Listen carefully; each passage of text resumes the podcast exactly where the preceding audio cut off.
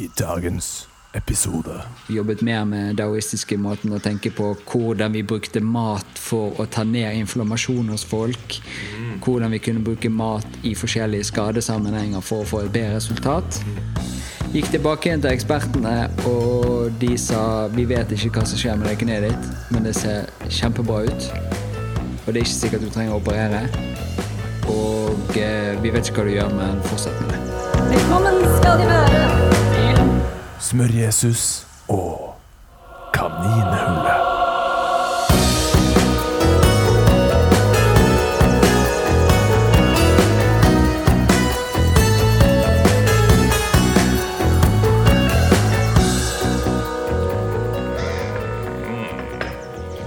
Ja, fin. Godsaker. ja. Kaffe med smør. ja, og eh, MCD. Ja. C8.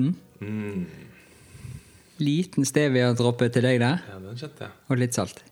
Frisk. Og kanel. Er det det samme som du har? Bortsett fra stevia, Ja. så er det. For nå er vi på en liten faste. Ja. En eh, ikke ordentlig faste, Nei. men en tullefaste. Og den tullefasten, da eh, stoler ikke vi helt på stevia heller. Nei. Nei. Ikke sant? Det er like så greit å holde seg til eh, opplegget. Ja. Kult. Hallo, folkens. Jeg er, jeg er Trond. Ja. Dette her er Trond Johannessen. My keto partner in crime. Oh yes. Yes. Som er med på å Ja. Bringe frem orden i universet. Eh, ja. Er det det du vil si? Eh, Bare for å være ydmyk, så er det vel det. Ja. Ja. Ikke sant? For å være ydmyk. Tenk Ja. å ta helt av. Så det er jo denne interessen for å kunne gi en liten idé til folk yeah. om noe, og sånn at de kan ta seg et valg og kanskje få, få en bedre hverdag. Ja. Og hvis vi kan klare det på en større skala enn bare én til én, så er det jo perfekt. ja. Jeg kan, jeg kan Det blir plutselig alvorlig, det. Ja, ja, ja. Ja. Jeg tenker sånn det, det her Vi har masse, masse, masse deilige veier, å, å dykke inn i. Ja, jeg har også holdt det veldig åpent uh, hva vi egentlig skal snakke om. Men kan prøve i hvert fall å gi deg en liten introduksjon, på en måte. Ja, du har en plan. Jeg har ikke noen plan, men eh, jeg tenker det er sånn, det er sånn jeg hører i podcaster. Ikke sant? Ja. Jeg prøver å liksom lære meg hvordan jeg skal være en podcaster. Og, så jeg tenker en introduksjon er liksom fint å starte med. Trond og jeg ble kjent egentlig gjennom bare nettverk. Ja. Jeg begynte på Mesh, husker jeg. Og så var det en fyr der som bare Du er nødt til å snakke med han fyren her. Eh, for det virket som vi hadde mange av de samme interessene. Og så møttes vi. Ja. Og så hadde vi en god eh, connection. Og så så vi ingenting til hverandre på lenge. Nei. Det var det deilige. Det var det deilige. Vi så hverandre litt sånn av og til, fordi jeg jobbet på Ur kraft og kolonial på Grünerløkka. Og du kom innom og tok en kopp kraft og ga meg noe kollagen plutselig. Og noen eh, prøver av eh, ketoner og vekket min nysgjerrighet og interesse. Og så var det et tidspunkt uh, hvor jeg tenkte sånn Hm, affiliat er jo ikke en dum ting. Det å kanskje kunne begynne å selge litt produkter og tjene litt penger på det. Um, altså selge andres produkter da, og få en liten på en måte cut for hvert salg jeg gjør. Det var liksom min idé. tenkte jeg Keton.no, der som Trond driver, det må jo være en, en, god match. Og så tok vi et møte. Yes. Og så hadde du egentlig bestemt deg dagen for, på forhånd at du Ja. ønsket å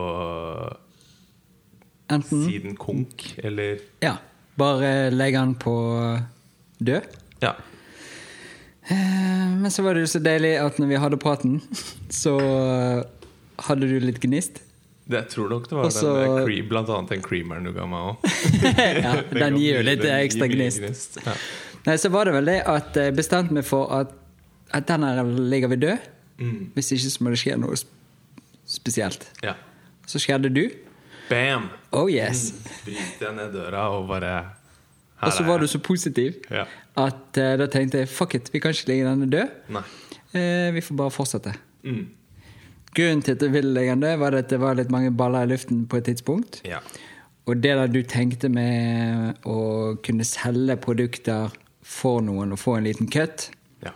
I den bransjen vi er nå på denne type produkter, så er det ikke en stor cut. Nei. Så det er mye jobb for en liten cut.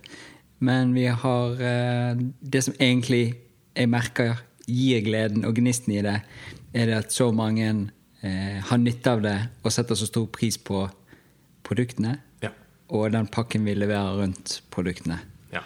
Og da er det litt motiverende og koselig å bare fortsette å gjøre det. Ikke sant? Men det er lettere å ha en eh, sprudlende type ved siden av seg enn å sitte og styre med alt det der på egen hånd. Ja. Ikke sant? Ja. Det skal jo sies, jeg drev jo eh, i starten med, sammen med Øyvind. Ja. Eh, han hadde også mange baller i luften. Og til slutt så endte vi opp med at han trakk seg ut, og så satt jeg igjen. Og så kom du inn, og nå er vi i gang, og nå har vi noe på gang. Det er et lite momentum. som Ja, nå skjer er det akkurat nå. god, eh, god driv, og eh, vi har mye gode ideer og muligheter, tror jeg. Kjennes i hvert fall sånn ut på guttemagen. Det er min sensor på om noe er bra eller ikke. Og guttemagen sier at vi er inne på noe. Mm. Trond, Trondesansen. Ja. Nettopp. Eller Den jeg kjente i går.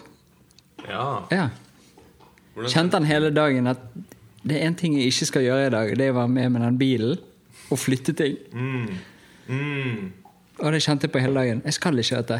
Og så tenkte jeg jeg må dette, for jeg skal hjelpe en kompis. Så greien var jeg skulle hjelpe en kompis med å hente noen møbler og flytte og styre. Ja. Passet egentlig ikke helt inn, men uh, han er så nydelig og har alltid hjulpet meg og Ja. Mm. har lyst til å hjelpe. Men det var et eller annet som var ikke keen på det. Nei. Tok jeg bakvinduet på bilen idet jeg kjørte inn i en kjørsel. Det der var noe Du kjente på den, altså? Jeg kjente på den. Jeg kjente på den selv. Ja. Du, ja. Og bare den lyden Mm. av at dette trenger ikke se på engang. Jeg vet at det er dyrt. Ja. Ja. Åh, lyden av at noe er dyrt. Ja. Det er en uh, Hvis det er noe gnafsing i bakgrunnen, her, så er jo det maskoten vår, Balto. Ja. Også kalt Fres, som har et lite bein. Ja Fres, ja. Det her skal vi gå inn på. Ja. Eh, kan ikke du si litt om din Hvordan du kom deg inn i keto-verden, og ja. hvordan du oppdaget keto, og hva det kanskje har gjort litt med deg? Jeg kan begynne med at uh, store deler av livet mitt så har jeg hatt vondt Ja. i forskjellige deler av kroppen. I litt ryggsøyle og ned i bekken og forskjellig. Eh, har spist ganske mye tull, Ja. som jeg kan se i dag. Eh, veldig glad i søte ting og kose meg med det, bakst og sånt. Deilig. Eh, jeg bare lurer på om jeg skal få dette i riktig rekkefølge, og om det har noe å si, egentlig. Um, ja. Så da hadde jeg en del av det. Og eh, visste egentlig ikke at det gikk an å gjøre noe med det. Nei. Jeg begynte, ble sendt til utredning for bæsjstrev, Ja. og fant ut at eh, det som eh, legen sier da, er det at da må du gå på en medisin, og så må du bla, bla, bla, bla, bla. Sette i gang med det. Jeg hadde heldigvis da en eh, gøy sjef som eh, Jeg jobbet for et firma som het Alligator Farm, mm -hmm. som var postproduksjonen på Alligator Film. Han hadde en venn, Gunnar, som lagde en film som het 'Gunnar Goes Comfortable'. Han hadde vært igjennom bæsjdrev-biten også. Ja. Så jeg fikk eh, nummeret hans, og så ringte jeg til han, så tok jeg en prat. Ja. Og da fikk jeg masse gode tips. Begynte med det. Og eh, ble mer og mer nysgjerrig på forskjellige ting. Så ikke så veldig lenge etter det så eh, leste jeg også om en fyr som jeg ikke husker hva heter, som hadde også mye leddplager. Og han hadde gjort en faste. Ah. Og så leste jeg mer om det, og eh, fasten skrev han at eh, det kommer til å være mye motstand av de folkene rundt deg, og alle disse tingene. Være obs på ditt og datt. Noe som vi vet også er noe som mange reagerer på når du setter de i faste og hjelper de i dette. At det er av og til mer forventningene til de rundt, eller forventninger vi har av det vi tror andre har forventninger til deg, Ja. som er en litt sånn eh, stressmoment. Den utfordrende egentlige delen. Ja. Så- Er det ja. litt sånn Folkene rundt synes det ofte kan være vanskelig når man tar på seg en ny rolle. En ny Det kan godt være. Jeg fikk plutselig sånn her Truman Show-vibe av det du sa der. At uh, man prøver man, man, man lager et veldig sånn sterkt bilde av hvem du er. Og så med en gang man begynner å bryte litt fra den, det bildet, så syns ofte folk rundt det kan være vanskelig å uh, tilpasse seg, kanskje. Ja. Det nye bildet. Og man Ja. ønsker å liksom Man prøver å liksom presse deg litt til å holde deg i det der gamle Det her var en superdigresjon. Jo, men jeg tror det er også noe innenfor, for det er også den som er i den posisjonen, med, i mitt tilfelle meg, det er jo også det at du går jo ut ifra litt av det bildet du har. Ja. Um, de fleste av oss lager en fasade ut ifra hvordan vi vil bli oppfattet, Ja. og så er vi kanskje litt annerledes inni, men vi tør ikke helt å la folk få møte den som er inni oss. Nei. Og så har vi et lite gap mellom ordentlig Trond og Trond som blir presentert. Og så skjer det av og til ting vi gjør innimellom som gjør at eh, ordentlig Trond nærmer seg mer eh, surface, Ja. overflaten, som det heter på norsk. Eh, og da blir det plutselig endringer, og så må du også ta responsen på de tingene der. Det er en superdigresjon, dette, men det er helt deilig. ja, det er litt deilig. Men så tror jeg også at eh, det er det at eh, man stikker seg litt ut. Ja. Man gjør noe som normen ikke er vant til. Og da blir det plutselig veldig mange øyne på en. Ja. Så jeg tenkte den letteste måten å begynne å faste på, er jo bare å gjøre det rett før påske. For da er det så mye deilig mat. ja. Ja. Så da bare cold turkey, rett på faste. Var med å lage det meste av maten, bare prøvde å lukte inn eh, det meste. Ja. Og fasten jeg gjorde, det var en eh, vannfaste med en liten twist. Det var en halvliter med fruktjuice i løpet av dagen. Ok. Ja. Bare appelsinjuice. Nei, grønnsaksjuice. Jeg sa frukt. Ja. Så ikke appelsin, men grønnsaker. Så da hadde jeg en halvliter med grønnsaksjuice. Så drakk jeg grønn te. Ja. Fjollete og fin. Og så var det vann. Og da begynte jeg på fasten, og eh, etter fem dager så var jeg ikke sulten. Da kjentes det ut som fordøyelsessystemet hadde tenkt at eh, vi slipper å jobbe. Vi kan slappe litt av. Eh, og lese litt forskjellig rundt om disse tingene her. Jeg sov veldig godt. Våknet tidlig om morgenen og hadde lyst til å lese bøker. Jeg er dyslektiker, har aldri likt å lese bøker. Eh, alltid litt sånn fnising når høytlesning på skolen, og sånne ting, så det har vært en litt sånn der ekkel greie for meg. Ja. Så lesing eh, var plutselig noe jeg gjorde. Jeg begynte å meditere. Eh, ja, gjorde masse ting som var bra for meg. Men alle rundt var veldig på denne Oi, dette er ikke bra. Du må jo spise, eller så dør du. Og så gikk jeg ned ti kilo på ti dager. Og eh, Men følte meg helt nydelig. ja. Og da du ti, hadde du fasta i ti dager? Da hadde jeg fastet i ti dager. Men så var det så mye press rundt meg fra, fra samboer og eh, Og eh, spesielt mor. Ja. og eh, da gikk jeg til legen. Så sa jeg lege, kan vi bare ta en Dette er situasjonen. Hva syns du? Han syntes dette var veldig rart tullete. Men vi tar eh, blodprøver. Jeg har vært hos en par ganger før, så han visste det at eh, Du var litt tullete? jeg var litt tullete og ville ting. Og hvis jeg ville ting, så kunne vi sjekke det ut. Så han var veldig game på Ok. ting. Ja.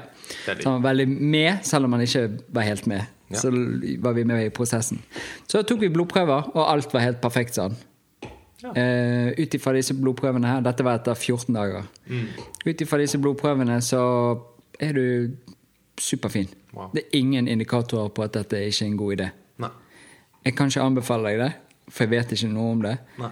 Men uh, blodprøvene sier at alt er greit. Ja. Blodtrykk, puls, alt dette her. Begynte til og med å gå med sånne pulsbånd eh, bånd rundt meg og eh, sjekket sånn at jeg visste hele tiden at jeg ikke skulle ta kroppen for mye stress. Ja. Det kan vi komme tilbake til, hvordan stress bygger seg opp. Ja. Eh, så når jeg trente, jeg trente også kung fu på den tiden. Mhm. eh, og da bare holdt meg under en viss grad, sånn at jeg ikke overbelastet noe. Ja. Og så lang historie litt kortere. Okay. Ikke enda lengre. Vi kan gjøre den mye lenger. Ja, bare fyr, fyr på. Ja, så Eh, det jeg fant ut, som jeg syntes var mest spennende Det ene var jo energien jeg fikk. Det var jo helt tussete. Og det skjønte jeg i ettertid at jeg var jo i superketose. Ja. Jeg var jo on fucking fire. Eh, følte jeg kunne gjøre alt. Eh, søvnen var bra. Hadde ikke noen dupper i løpet av dagen. Bare kunne gønne på. Eh, og det var veldig spennende også å observere det, det psykiske i det hele. For for meg var ikke det et problem lenger, men det var veldig mye eh, og 'Hva hadde du til frokost i dag?' var alle den, der, den snakken på kontoret. Ja, nå er det snart lunsj. Hva skal vi ha til lunsj? Bearbeidingen av mat. Og hva skal vi ha til middag i dag? Ja, vi må jo lage middag. Å, det hadde vært godt med noe. Alle de tingene du observerer gjennom en hel dag av hvor mye i samfunnet vårt eller kulturen vår som er bygget rundt mat, som jeg syns er en fin ting, for jeg elsker jo mat. Ja, ja. Men det er viktig da å se Det går enormt mye energi på å tenke på mat. Å snekse og tilberede god mat.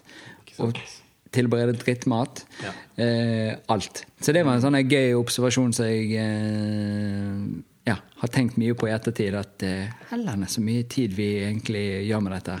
Det er veldig interessant når du, når du gjør en litt sånn forlenget vannfaste hvor du ikke har noe mat. Bare sånn Shit, så mye tid jeg plutselig har. Ja. Innser du. Ja. Jeg har ikke tygget noe nå på da vi kom til 14 dager. Og så fortsatte det etter det, så var det 20 dager. Mm. Eh, det vittige er at jeg gikk ned 10 kilo. Etter det gikk jeg ikke mer ned. Nei. Nei. Var du på en måte på normal vekt da, eller? Det kjentes ut som jeg fant eh, Der er Trond. Ekvilibrium, ja. Jeg har funnet ut i ettertid det kommer komme tilbake til, at eh, jeg trenger mer muskelmasse. Og det skulle jeg også hatt på den tiden. Men den hadde jeg ikke. Og når jeg ikke hadde muskelmassen, så var det en eh, balanse, virket det som, for, for vekten min. Ok. Um, ja. Og så etter 26 dager så tenkte jeg eh, det var gøy, dette her, men nå føler jeg meg så super at eh, Må jeg holde på med dette lenger? Nei. Jeg har lyst til å spise litt igjen. Så begynte jeg å spise mer forsiktig opp og kom i gang, og var ganske gøy. Gikk opp to kilo på en uke, Ja. og så lå jeg bare der. ja. Ja. Og da kjentes det ut som der er jeg fin. Mm. Så det var liksom den der første da jeg kjente helt enorm eh, switch på, på energinivået og dette med å gå inn i faste over lang tid, og hva det innebærer eh, fysisk, men også det psykiske av det. Ja. Og vi ligger veldig mye psykisk i det, tror jeg, i forhold til eh, eh, barrierene for å sette i gang. Nei, men det er kanskje det. Hva skal jeg oh, eh, eh, Alle disse tingene. Vi syns det er litt skummelt. Men det er oppi knotten, og kroppen ser ut som man klarer seg fint. Jeg vil ikke anbefale noen å gjøre 26 dagers faste. Kanskje ikke på første forsøk. Eh, Kanskje ikke det. Eh, og det var vel kanskje den første fasten jeg noensinne har hatt, hvis ikke det har vært selvfølgelig småfaster når jeg har vært syk og lagt og ikke klart å spise mat. Ikke sant? Og det er jo natur. man jo naturlig Ja. Så det er liksom den der eh, Det kan si den første gangen det ble en keto-ting, uten Ja. å vite at det var en keto, for det fant ut senere at dette er en keto-greie. mm, For det satte deg ikke ned veien liksom bare sånn Å, shit, så jeg er nødt til å finne ut mer av dette. Og Nei. Nei, men det begynte å koble litt av ideen som vi gjennom komfort lærte om daoistisk spising. Ja. Med Du har drevet mye med kung fu. Ja. Så jeg har jo holdt på nå i eh, snart 20 år. Mm. Eh, og var veldig heldig å være i en familie som eh, ikke bare gjør den fysiske biten, men også den mentale og mat- og medisinbiten. Ja. Så det er derfor eh, veien videre egentlig kom, for det var så mye i den der eh, totale pakken. Ja. Men eh, der var det det første jeg lærte når vi skulle eh, trene mye, meditere mye og eh, gå kamp, Mm. er å fjerne korn. Mhm. Fjerne ting som smaker søtt. Og i kinesisk medisin så er ting som smaker søtt, en gulrot, Ja. for eksempel. eh, sterke krydder. Ja. Skippet kaffe. Ja. Kunne drikke en kopp te før tolv. Også den vanlige, gode regelen fra kinesisk medisin at du skal spise deg 70 mett. Ikke sant. Og det holder med tre måltider. Ja. Ja. Ikke sant. Og gjorde det, så hadde jeg samme følelsen som jeg hadde under fasten. Ja. Det vi glemte å si med fasten, var jo det at eh, det endret hele min fysiske greie. Så leddplagene, Ja. vondtene, eh, ble mye bedre. Ikke sant. Så det daoistiske biten, komfortgreiene og denne fasten som var litt sånn på egen hånd, var liksom de som bare begynte å fortelle meg at mat har veldig mye å si. Og eh, ideen som jeg også har vokst opp med, er det at hvis det feiler deg noe, så må du ta noe for å fikse det. Ja. Mens det jeg lærte gjennom daoistiske, er hvis du feiler deg noe, fjern noe. ja. Ja. I stedet for bare peile opp med mer og mer og mer. Ikke sant. Å, jeg er syk, jeg må få noe et eller annet. Nei, kanskje vi skal bare finne ut av hva er det som gjør deg syk. Greit, du knakk en arm. Vi trenger ikke fjerne gulrøtter fra kosten din, da. Nei. Men eh, hvis det er noe annet som vi, vi ser på, uh, sånn som vi uh, har blitt enige om og ser mer og mer uh, eh, forskning på, sånt, er metabolske ting, Ja. så det, ser man virkelig det at eh, det kan være mer gunstig å fjerne noe Fjerne noe enn å bare legge til ting hele tiden. Ja. For det er en sånn her eh, Spennende, har vi valgt ord. Eh, spennende idé om at ja, det er noe som er gale, vi må putte mer inn. ja. Nei, vi må ikke det. Vi må fjerne noe. Vi må fjerne det som gjør at det ikke funker som det skal. ja. Det hjelper ikke å putte mer olje i bensinen hvis bilen går rart. Nei. For det, det skal være Dette lærte jeg nå i sommer. At vi måtte ha olje på, eh, på påhengsmotoren på båten.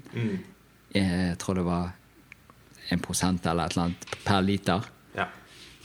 For mye hjelper ikke. For lite var ikke noen god idé. Men det der å bare putte på ting fordi at noe ikke funket helt bra ikke, Kanskje vi må bare gå tilbake til, til blokken og finne ut av hva er det egentlig som skal til i denne formelen for å få det beste resultatet. ja.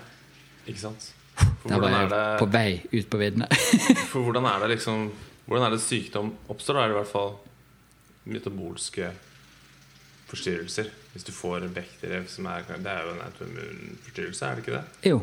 Og bundet til, eh, til et et, spesielt stoff som de fleste har. Men det vittige er at alle har det ikke. Så du kan ha negativt på prøven og likevel ha det. Ja, ikke sant? Så det er jo litt bare å bli kvitt det beinet. De, de oppstår jo på en måte ikke et, bare et vakuum, bare som popper ut av ingen steder. Nei. Der er det sikkert noen som fortsatt lever i doktrinen om at ja, men gener, ikke sant? At gener er eh, Disse tingene er forutbestemt. Men, men det er jo Ja. Der må folk catche, catch opp litt. At det er ikke helt eh, sånn det funker. Nei, det er nok ikke så svart-hvitt, men Nei. du kan komme med en eh, eh, Bli født med denne genestillingen. Mm. Men så kan du være med på å endre det, eller at du kan bare fortsette å ha de sånn. Du, kan, du kan ha den her uten at de trenger å aktiveres. Da. For du har, det virker som du har veldig stor kontroll over hvordan de aktiveres. Hvor, eller hvilke gener som uttrykkes. Da. Ja. Som påvirkes egentlig av ja, din eh, Din persepsjon, din opplevelse av virkeligheten. Men det trenger vi ikke å gå Nei. Det blir en veldig digresjon igjen. ja, men det kan vi ta senere. Ja, ikke Ja. sant? Nei, så det var litt som eh, hele den farten der. Og så gjennom kinesisk medisin Ja. så begynte jeg å lære litt mer om eh, måten kinesisk medisin ser på kost. For du begynte med det som en, på en måte en interesse som dukket opp øh, ut fra komfoen, eller var det da du begynte å studere det? Ja, eh, Det som skjedde, var det at jeg eh, var i Hongkong Ja. sammen med en annen fyr. Og så var jeg med på et stevne der. Kom hjem med gullmedaljer, og alt var helt topp. Skulle hjem og trene opp til VM. Mm. Eh, så er det da veldig lite skader som har skjedd på komfort, men ikke utenom. Så jeg var i 30-årsdag Var det 30-årsdag? En eller annen bursdag til en kompis. Dansegulvet der, så klarte jeg å kjøre en flott piruett på et eller annet nydelig vis, og så sto foten igjen, og så bare rev jeg kneet i fillebiter. Oi. Yes. Digg. Lang historie kort igjen. Ja. Den alle eksperter sa det må opereres. Mm. Det er ingen utvei. Nei. Den er gøy. Så snakket jeg med treneren min. Sendte over urter og en del triks og miks fra, fra England. Siden ikke vi hadde det tilgjengelig her. Og så begynte jeg med en del av det sånn eh, måte å spise på. Begynte å spise rå lever. Eh, hadde mer hvile og søvn. Lå med kneet oppi urtebad, spiste urter. Og eh, gikk til en naprapat som ikke kunne noen ting om kinesisk medisin, men hadde gjort noe triggerpunkt-akupunktur. Og så hadde jeg en liste med akupunkturpunkter som kunne hjelpe. Og han var også på lag med meg, litt sånn som han legen. Heldig. At han bare satt de punktene jeg sa. Og så koste vi oss med det. Gikk tilbake igjen til ekspertene, og de sa vi vet ikke hva som skjer med det kneet ditt, men det ser kjempebra ut. Og det er ikke sikkert du trenger å operere. Og eh, vi vet ikke hva du gjør, men fortsett med det. Ja. Så gjorde jeg det. Og det vittige var det at eh, tre dager Nei, to dager etter jeg skadet meg, så eh, fikk jeg boken eh, 'A Tooth of a Tiger's Mouth', som min nåværende lærer Tom Bisio har skrevet. Og det er om eh, komfortmedisin, fikset forskjellige ting.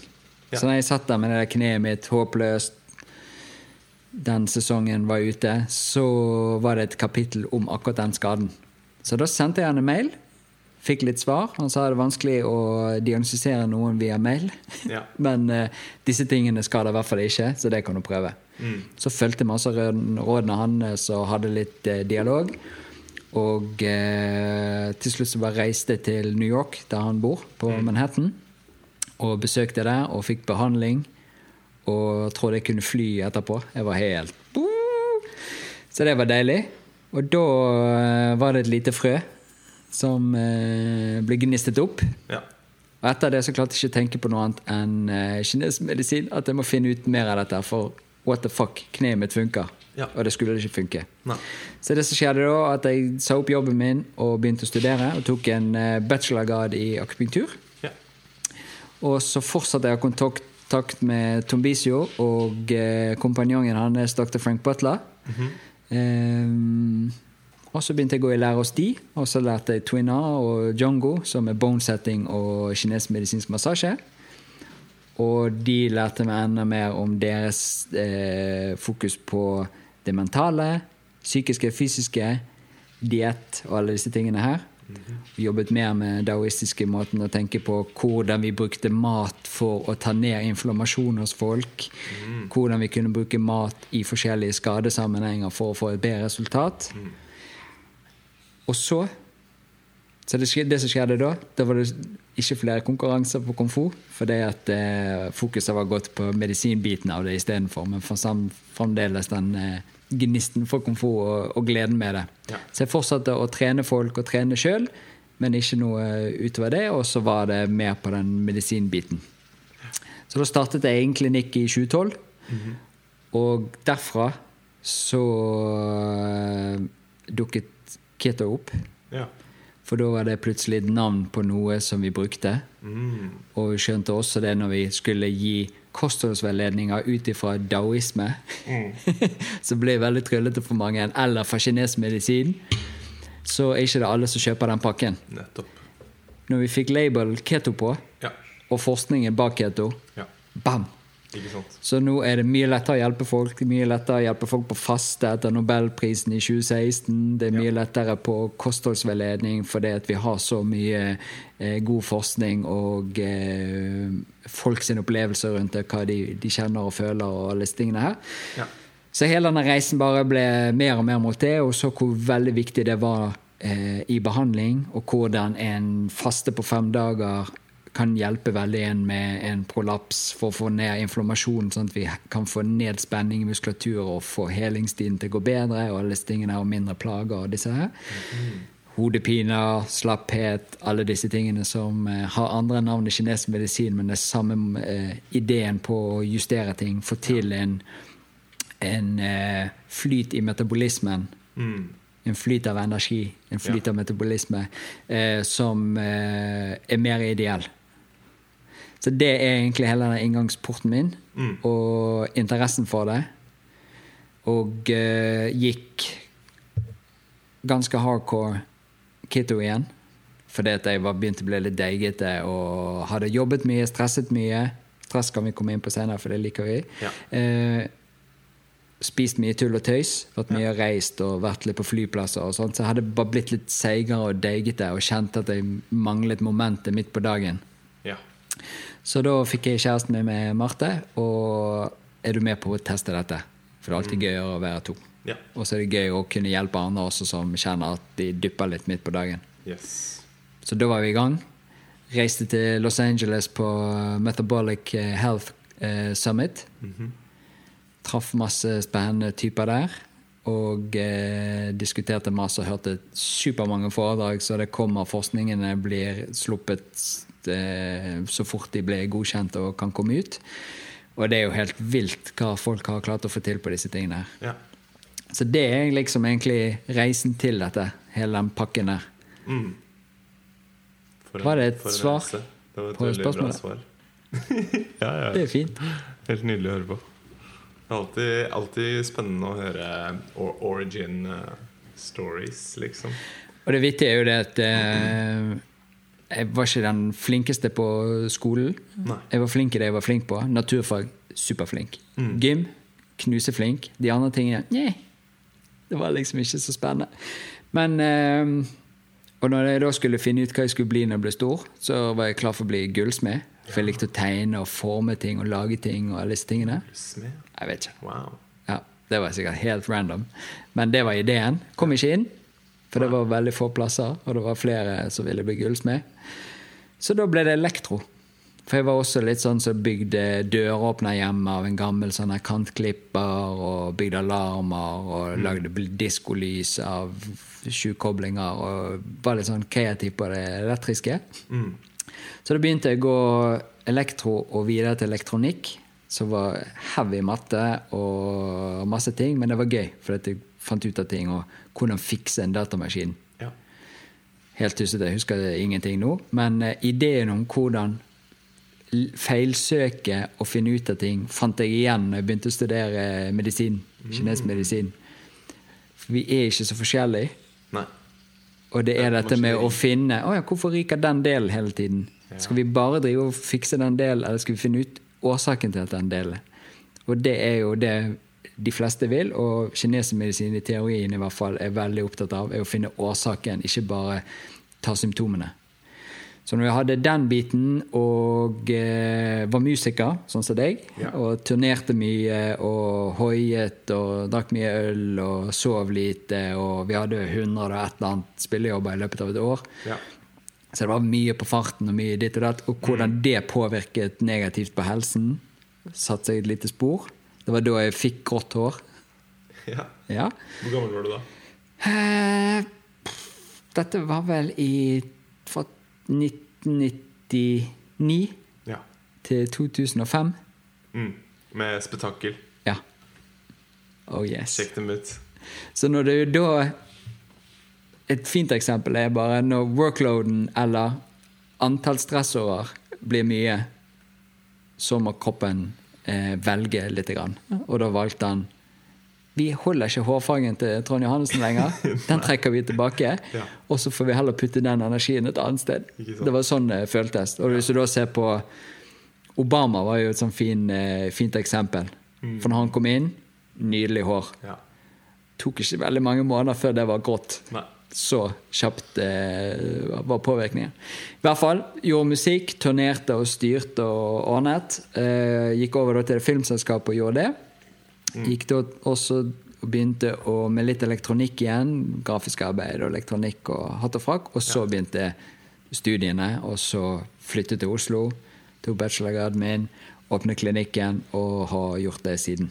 Ja. Så det er jo åtte år siden klinikken åpnet. Mm. Og du har bare tryllet, tryllet siden den tid. Jeg har famlet mye Mm. eh, og tryllet litt. Ja.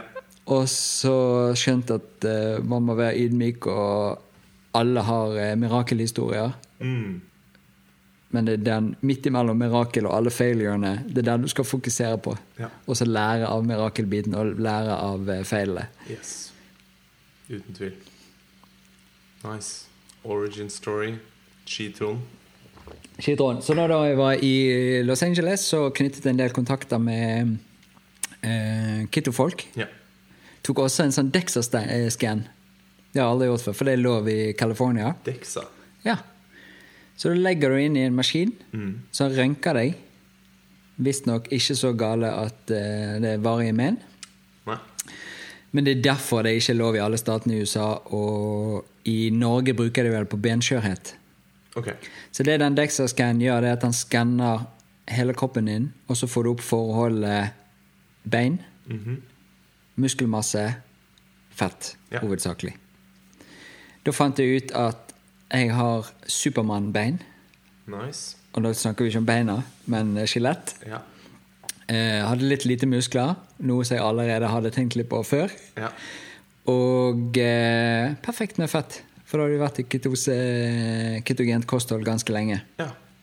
Så det er jo en veldig spennende, spennende maskin. Så jeg skulle ønske vi kunne fått hoppet inn litt oftere, for da kan du følge med på hvis du skal nerde, Dette er for nerding. Ja. Men da kan du følge med på utvikling og eh, hvordan visse treningsregimer og type mat du putter inn, kan faktisk bli at du bygger ganske mye muskler. ja. Eller får de resultatene du er ute etter. Vi må eh, bli litt mer kjent med noen andre sånne geeks, så vi kan gjøre mer sånn geekete ting. Ja. Det vært veldig gøy å målt mer blod.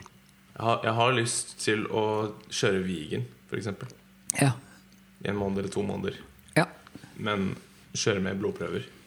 ja. Se hva som skjer fra uke til uke. Og så kjøre kanskje carnivore i to måneder. ja.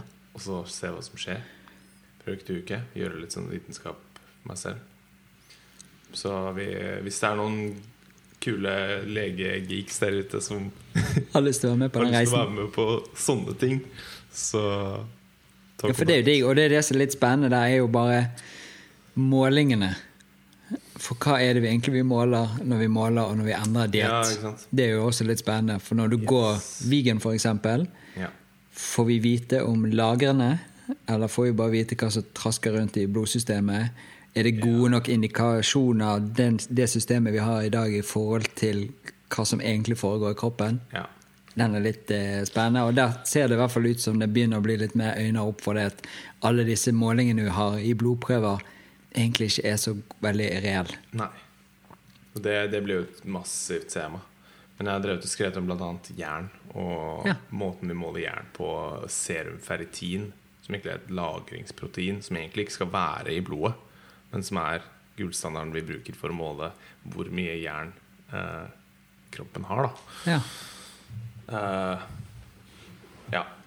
Men det blir en Det er også en eh, lang historie. Men der er det jo også når du ser masse pasienter som jeg ser på klinikk, som får eh, utskrevet eh, jerntabletter.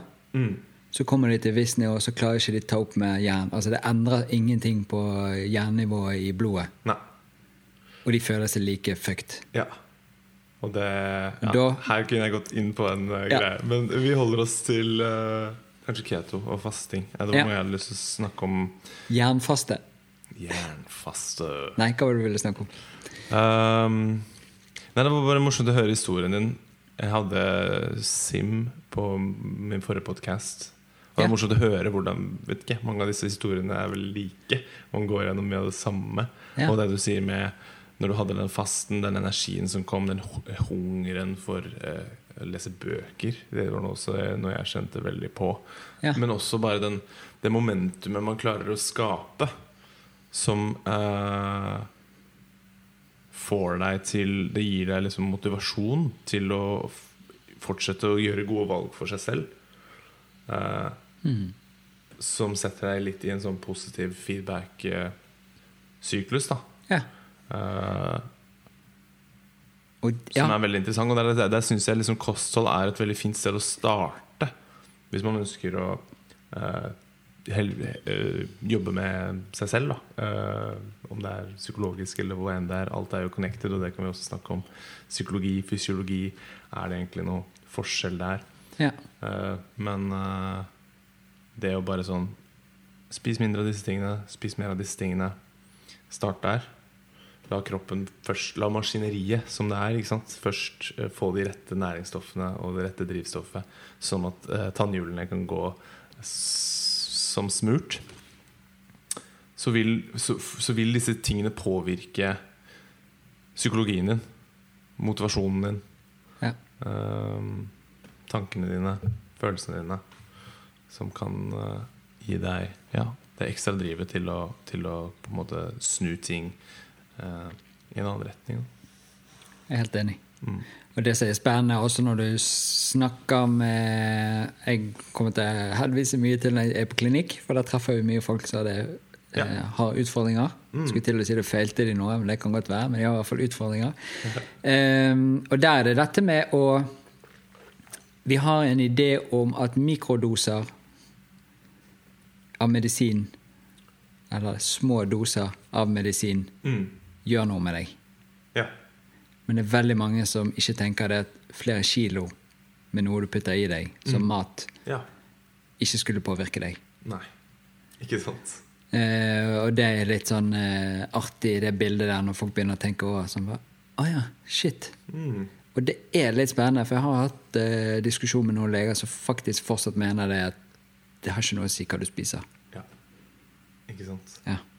Ja, for da kan man bryte det ned. Kvaliteten av karbohydrat, kvaliteten av protein, kvaliteten av fett har ikke noe å si så lenge ratioen er der. Mm.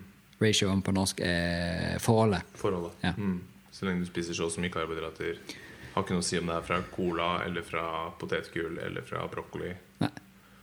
Så lenge du får i deg mengden Ja. Og det er en eh, interessant greie også. At det er At det, den ideen er der. Mm. Det var vel er det to år siden, ett år siden, ja. der eh, det endelig ble klinket med den forskningen på eh, På eh, at kalorier inn og kalorier ut betyr noe. Så det vil si at kvaliteten på det du putter i deg, har noe å si for effekten du får ut. ja.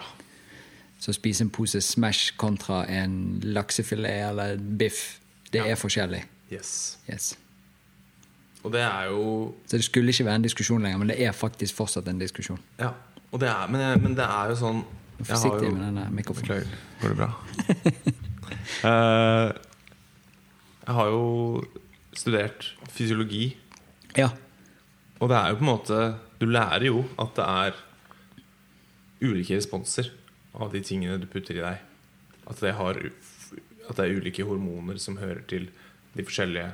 Så det er jo på en måte veldig åpenbart, egentlig, at Og, det, og informasjonen føler jeg ligger der, egentlig. ja. Men ja, Så jeg blir veldig fascinert av det når, når folk eh, som eh, studerer medisin og sånn, fortsatt har det bildet. Også det der bildet med at når du har oversikten over næringsinnholdet til en eh, mat, Mm. en type mat, eh, nødvendigvis ikke spiller noen rolle i det blir tatt opp av kroppen. At den har en annen effekt, og hvor mye kroppen klarer å ta ut av de næringsinnholdet som er den tingen du spiser. Biotilgjengelighet. For eksempel yes. Ja. Og eh, der er det også mange som eh, ikke klarer å få det til å henge sammen helt. Ja, men det står jo her. Ja, men hvordan føler du deg etterpå? ja. Det var en av de tingene som jeg ble forelsket i med kinesisk medisins måte å se på diett på. Det Ja. er, De har kategorisert det ut fra effekten det har på kroppen din. ja. Ikke nødvendigvis hvor mange A-vitaminer, B-vitaminer, ditt og datt det er. Hva skjer med deg? Yes. Hva skjer med deg? Hva skjer med symptomene dine? Går smertene bort? Ja. Eller fortsetter de bare å Eller blir verre? Det er jo, det er jo Ja, det burde jo være det vi, vi måler som bruker som Ja, det viktigste måleinstrumentet, egentlig. Ja. Hvordan er det du faktisk føler deg? Og det er litt det jeg også ønsker å lede folk, eller fremme, da. Når man, når man, hvis man kommer og ønsker seg kostholdsveiledning. At det her er en reise du er nødt til å gå på, hvor du er nødt til å komme i mer kontakt med kroppen din og hvordan du føler deg når du spiser mat. Så du er nødt til å eksperimentere. Du er nødt til å sant? kutte Lytte kanskje mer. ikke sant? Prøv, prøv å gå på ketokosthold i to måneder. Hold det litt strengt. Se hva som skjer med kroppen din. Hvordan er det når du da begynner å spise brød igjen, f.eks.? Hvordan føler du deg? Kommer Ja. smertene tilbake? Kommer uh, uh, kvisene tilbake? Hodepinen. Hodepinen? Slappheten? Uh, fordi, ja Vi har en sånn intuitiv En sans, føler jeg. Som, som jeg tror blir litt sånn nummet ned fordi vi har, blitt, vi har blitt matet de feile tingene over så lang tid at vi bare ikke har Ja, vi har ikke klart å kjenne på den sansen. Eller den har liksom blitt litt sånn hysja ned. Ja. Men når man begynner å jobbe mer med kanskje intuitiv spising, det å, å spise og kjenne, bli kjent med kroppen og hvordan den responderer til ting, så ja. Og kanskje også synet på hva mat er. Mm. Nå er vi i en heldig verden der mat er akkurat det vi vil det skal være. ja. Men jeg tror det er viktig å tenke på at mat er et drivstoff. ja. Og eh, det er veldig lett å gå etter det som bare smaker godt. Mm. Og eh, endre paletten sin, smakspaletten, til å jage etter de tingene som i dag har blitt en luksus. Og så har vi den der rettferdiggjøringen for oss sjøl, at hver dag skal være en fest. ja. Det tror ikke jeg er lurt å gå og tenke hver dag. Altså Vi skal ha bra dager, vi skal ha det fint, men hver dag kan ikke være en fest på bensinen du putter inn. Eh, hvis vi ser tilbake i historien, så virker det som at eh, når det er en fest, så tar man frem alle de gode tingene man har. Da tar man frem kake og det som smaker ditt og datt, Mm, og frukt og, alt mulig. Ja, og koser oss. Men så har du hverdagen, ja. og hverdagen skal være drivstoff. Mm. Eh, Du skal overleve. ja. Du, trenger, du skal få i deg det du trenger for å overleve. Ja. Og for å fungere greit. Mm. Og det også, Dette kan jo bli en lang greie, men jeg vil lese for vi også kan se på forskjellige måter å spise på rundt i verden. Og derfor ikke kanskje én måte er perfekt for hele verden. Nei. Fordi at vi bor på forskjellige steder. Vi har hatt en eh, evolusjon som har gjort at vi trenger vi å tilpasse oss det. eh, de og de tingene funker bedre for oss. Ja. Ehm, men jeg liker den der eh, ideen som jeg også lærte gjennom kinesisk medisin, at et tegn på god appetitt er at du kan spise noe som smaker nesten ingenting, Mm. eh, men gir deg næring. ja. Og hvis ikke du da kan eh, det var, Er det en japansk greie? Jeg prøver å gjenfortelle det så godt jeg kan. ja. En samurai Ikke sikkert han var samurai. Jo da, han var en samurai. Ja. og han var fryktet av hele landet. Mm. Helt vill fyr. ja. Så hadde han hørt om en eh, restaurant eller et spisested som serverte den beste maten. Så han kom inn. Alle i restauranten var livredd for om han skulle se på de og prøvde å unngå alt mulig fordi han var en sånn fryktet fyr. ja. Eh, kokken kommer ut og spør hva er det du vil ha. Jeg vil ha den beste maten. Det skal du få. Eller den som smaker best. ja. Så gikk kokken. Det gikk det en halvtime. Gikk det en time. Samuraien begynte å bli litt sånn kokende, for det, eh, nå har vi ventet lenge. Kjempesulten. Ventet en og en halv time, ventet to timer. Og så kommer kokken med en bolle med ris med en agurk på. Og så spiste samuraien det. Alle forventet at nå ryker hodet på kokken, og alt går til helvete. ja. Det var det beste måltidet han noensinne hadde hatt. ja. Og det er jo litt denne ideen også. Eh, hvis ikke vi hele tiden putter noe i oss, kanskje, ja. så har vi en bedre glede av det måltidet du får. ja. Og dette med å også kunne spise noe enkelt og verdsette det like mye som en vill, sofistikert greie. Yep. Jeg tror jeg klarte å holde meg akkurat innenfor eh, det som hang sammen der. Fantastisk. det Ja. Det er noe der. Det har blitt, mat har liksom blitt en, et sånn drug, tror jeg. Ja. For mange. Og for meg har det vært det lenge, og er Ja, fortsatt. Jeg må Du må styre deg selv litt eh, av og til, du òg. Ja. Ja. Jeg er Hva skal vi si? Det blir litt sånn som en alkoholiker. Mm. Jeg er fortsatt det, men jeg styrer det. Ja. Ja. Så jeg har en enorm tendens til å spise for mye, for jeg elsker å spise. ja. Um, og kunne egentlig spist hele dagen. Ikke sant? Men kjenner også det at eh, når jeg velger å ikke gjøre det, Ja. noe som jeg gjør eh, hovedsakelig mest av, Ja. så har jeg det så utrolig bra. At den gevinsten der betyr så mye mer enn den hva skal vi si, rusen, tilfredsstillelsen av å putte i meg gøye ting Ja. hele tiden. Ikke sant? Og det er igjen også det man lærer. Det er noe jeg har vært nødt Det er, man, det er, det er som å kvitte seg med en avhengighet. Det, er, det er en lang prosess hvor du må liksom du, Og du merker etter hvert sånn Åh, jeg vet at jeg ikke burde spise kakene, for det kommer til å miste den gnisten, da.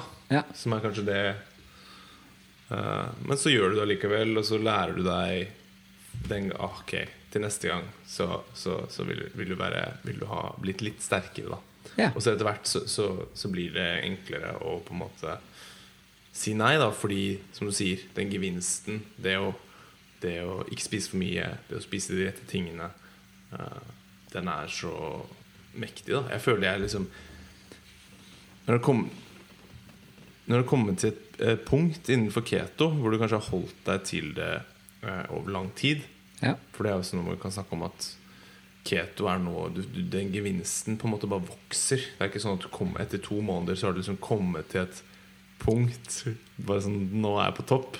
Det er noe sånn Ja. Mange som mener at du ikke får de sånn virkelige gevinstene kanskje før sånn etter et år med keto. Ikke sant? Og at dette, dette er, eh, gevinsten er bare noe som, som akkumulerer jo, jo mer man holder seg til det. Ja. Så jeg har merket når jeg kom, kommet til et sånt punkt på keto hvor du bare er helt Sikkert sånn som når du fastet, da. Du føler deg som Supermann. Ja. Føler deg som han er limitless-fyren som bare kan sitte og jobbe, og hjernen din fungerer ekstremt uh, bra. Og det blir nesten som en sånn high, da. En naturlig rus ja. som du liksom søker. Og som er en mye uh, kraftigere rus enn det å på en måte spise et kakestykke blir, da. Kanskje. Og det, kan, ja, og det kan jo være det at det er denne følelsen av å ha det mest optimale av deg sjøl. Ja. Og når du kjenner at Vet du hva, nå er jeg ikke 100 av det jeg kan være, Mm. så har jeg ikke lyst til å være det. Men det er veldig lett å være der nede og bli litt sånn deigete og tåkete, for det blir i hvert fall jeg, og det er de fleste andre, Ja. blir det når de går ut av den optimale biten. Yes. Så at det kanskje er en litt sånn der- det, det er jo alltid gøy å si ja, det var et studie som sa ditt og datt. Og dette studiet betyr ikke noen ting, Nei. men det kan være en gøy tanke. Ja. Og det var på jegere som Ja. fastet. Hva er det du driver med nå? Jeg skal bare se om ting er på sted. Det er de. Nydelig. Ting er på sted. Jegere. Jegere som fastet, Ja. eh, hadde høyere treffsikkerhet enn de som ikke fastet. ja. Og det kan jo være noe med den følelsen som vi føler når vi går i en ketose, som man gjør gjennom faste, at du bare blir skarpere. Og hvis du tenker sånn naturmessig på det, så hadde det vært helt veldig dårlig idé hvis mennesker var skapt sånn at vi skulle bli seigere når vi Ikke spiste. når vi ikke spiste. Vi ikke hadde mat tilgjengelig. Ja. For vi må jo s- Det er da vi må være skarpe. Så går det jo. Ja. Så jeg likte den studien. Ikke sikkert det holder igjen i det hele tatt, men ideen er i hvert fall fin. Ja. Og den kan vi ta med oss og kose oss med. Ja. Jeg ble fascinert eh, når sånn Game Changers kom, den dokumentaren. Jeg vet ikke om du så den? jeg Jeg eh, Så jeg hele? Jeg trodde jeg slo av litt eh, midt i det. Ja. det kan være jeg så resten etterpå, bare fordi at dette kommer pasienter til å snakke om på klinikken. Ja. Og det gjorde de. Så jeg var glad jeg hadde sett noe som visste hva vi snakket om. Men jeg mistet gnisten der mitt eh, egentlig ganske tidlig. Ja. Eh, men halvveis der så tenkte jeg eh, Det kan være at det er gøyere å støvsuge og tørke litt støv nå. Ja. Og det syns ikke jeg er noe gøy. Å, så fint. Uh, men der, der er det i hvert fall, ikke sant Igjen, leger som fortsatt henger igjen i doktrinen om at hjernen er avhengig av glukose Ja. for å fungere. Fordi man ser at hjernen ikke kan bruke fett. Og så har de jo på en måte ikke fått med seg hva ketose er for noe. Fordi det er jo det som skjer når kroppen går tom for sukker. Det er derfor, du, det er derfor vi har evnen til å gå inn i ketose. Fordi da kan kroppen bare lage et alternativt drivstoff. Den kan ta fettsyrer og omdanne det til ketoner. Som bl.a. hjernen din kan bruke. Uh, men, men for å liksom bare spille på deres logic, da. Ok, så vi er avhengig av glukose. Hmm. Og, og, og hvis vi faster, da, hvis vi ikke har mat tilgjengelig, uh, så vil vi jo tømme kroppen vår for glykogen etter 24 timer. Så da ville vi dødd, da. etter en, et døgn uten mat. Så ville hjernen vår skrudd seg av fordi vi ikke har energi tilgjengelig. Hvis man følger den logikken her, da. Ja. Så det er jo ofte ja, det, Og der har jo de også denne ideen med, og den er jo reell, men at når du da går tom, så begynner du å brenne musklene dine, proteinet, Ja, ikke sant. Det er det, det, eh, og få glukose ut fra det istedenfor. Ja. Men eh, det var et eller annet jeg tenkte på når du sa det. Og denne ideen om hva som er essensielle næringsstoffer, Mm. Ja. er jo også spennende. For det er jo egentlig fire makroer vi har. ja. Fett. Velger den først, siden vi liker den best. Mm. Protein. Protein. Og så har vi karbohydrat. Ja. Og så har vi alkohol. ja. Alkohol er jo kanskje den som eh, Den er spennende, men det er jo den som vi kanskje trenger minst. Ja. ja. Men eh, litt fin innimellom. Fett er en essensiell greie. Mm. Protein er det. Mm. Karbohydrater er ikke det. Nei. Alkohol er ikke det. Nei. Energimessig så er det på ett gram eh, fett Mm. så har vi ni energi. Ja. Protein fire. Mm. Karbohydrat fire. Mm. Alkohol syv. Ja. Så den ligger litt og danser mellom å være fett eller karbohydrat i Også med hvordan blir, eh, metabolismen for det eh, fungerer. Ja. Men det er jo den å koke det ned igjen til hva er det essensielle. Det er fett og protein. Protein. Og det andre klarer kroppen å fikse sjøl. Bortsett fra alkohol. Da må du på en bar. ja. Eller stå i kø utenfor Vinmonopolet. Ikke sant? Ja. Fordi du, du, du, du trenger en viss mengde glukose til visse ting i kroppen din. Ja. Men kroppen din kan lage det selv. Den Fikser trenger det. ikke så veldig mye. Eh, så der er kroppen din er litt sånn der alkymist. Du kan liksom ta litt derfra litt sånn, og så bare lage, lage lager vi den aminosyren ut av det, og så lager vi de fettsyrene ut av det, og så la, lager vi glukose ut av litt eh, glyserol fra fettsyrene. Kanskje bryter ned noe gammelt eh, protein, aminosyrer som var litt utslitt og trengtes å resirkuleres, eller ja. Men kanskje vi skal si litt om Før vi sier noe om det. Ja. For jeg tenkte bare litt på Det spennende med, da med karbohydraten mm, er at når det blir for mye av det, så blir det laget som fett. Hvorfor lager vi det som fett? Hvorfor blir ikke det laget som noe annet? Så når eh, alle lagene er full, og det ikke er plass til mer, så blir det laget om til fett og lagret. Og så denne her som jeg heller ikke husker hvor kommer fra, mens jeg bare liker det bildet som vi har snakket om en del. Eh, det var en dame som sa 'Hvorfor går vi rundt med så mange matpakker på kroppen hvis ikke vi kan benytte oss av dem?' Og da tenkte hun på matpakker som fett som er lagret på kroppen. ja. Så hvorfor har vi gjort metabolismen vår sånn at vi ikke får brukt det vi har av energi, men må tilføre energi så mange ganger i løpet av dagen, og fremdeles ikke får brukt eh, matpakkene som henger på kroppen? Ikke sant? Og hvorfor er det da laget som fett? Det er noe med dette fettet, og hvorfor skal du spise dobbelt så mye av noe for å få like mye energi som du kunne spist halvparten av i fett, siden det har mye mer energi i seg? Yes. Så det er jo bare en sånn logikk der med, med dette med å overspise noe når du kunne spist mye mindre av noe og fått samme eh, Ikke samme, men et bedre resultat og en mer eh, optimal metabolisme og følelse av eh, optimal Optimalhet heter jo ikke det. Men at du er Gnist. gnist. Ferdig. Så det var det jeg ville putte inn. At eh, det er litt viktig å se på de tingene der. Ja. Hvordan det egentlig eh, Hvorfor gjør kroppen dette? Hvorfor gjør han om til fett? Hvorfor gjør han om til noe vi kan lage og bruke til noe eh, som er mye mer potent enn det vi putter i oss? Ja. Ikke sant? Og hvorfor går vi tom for sukker når vi løper et maraton, Mm. men du går ikke tom for fett? Nei. Nesten ikke. Det, det er selvfølgelig unntak.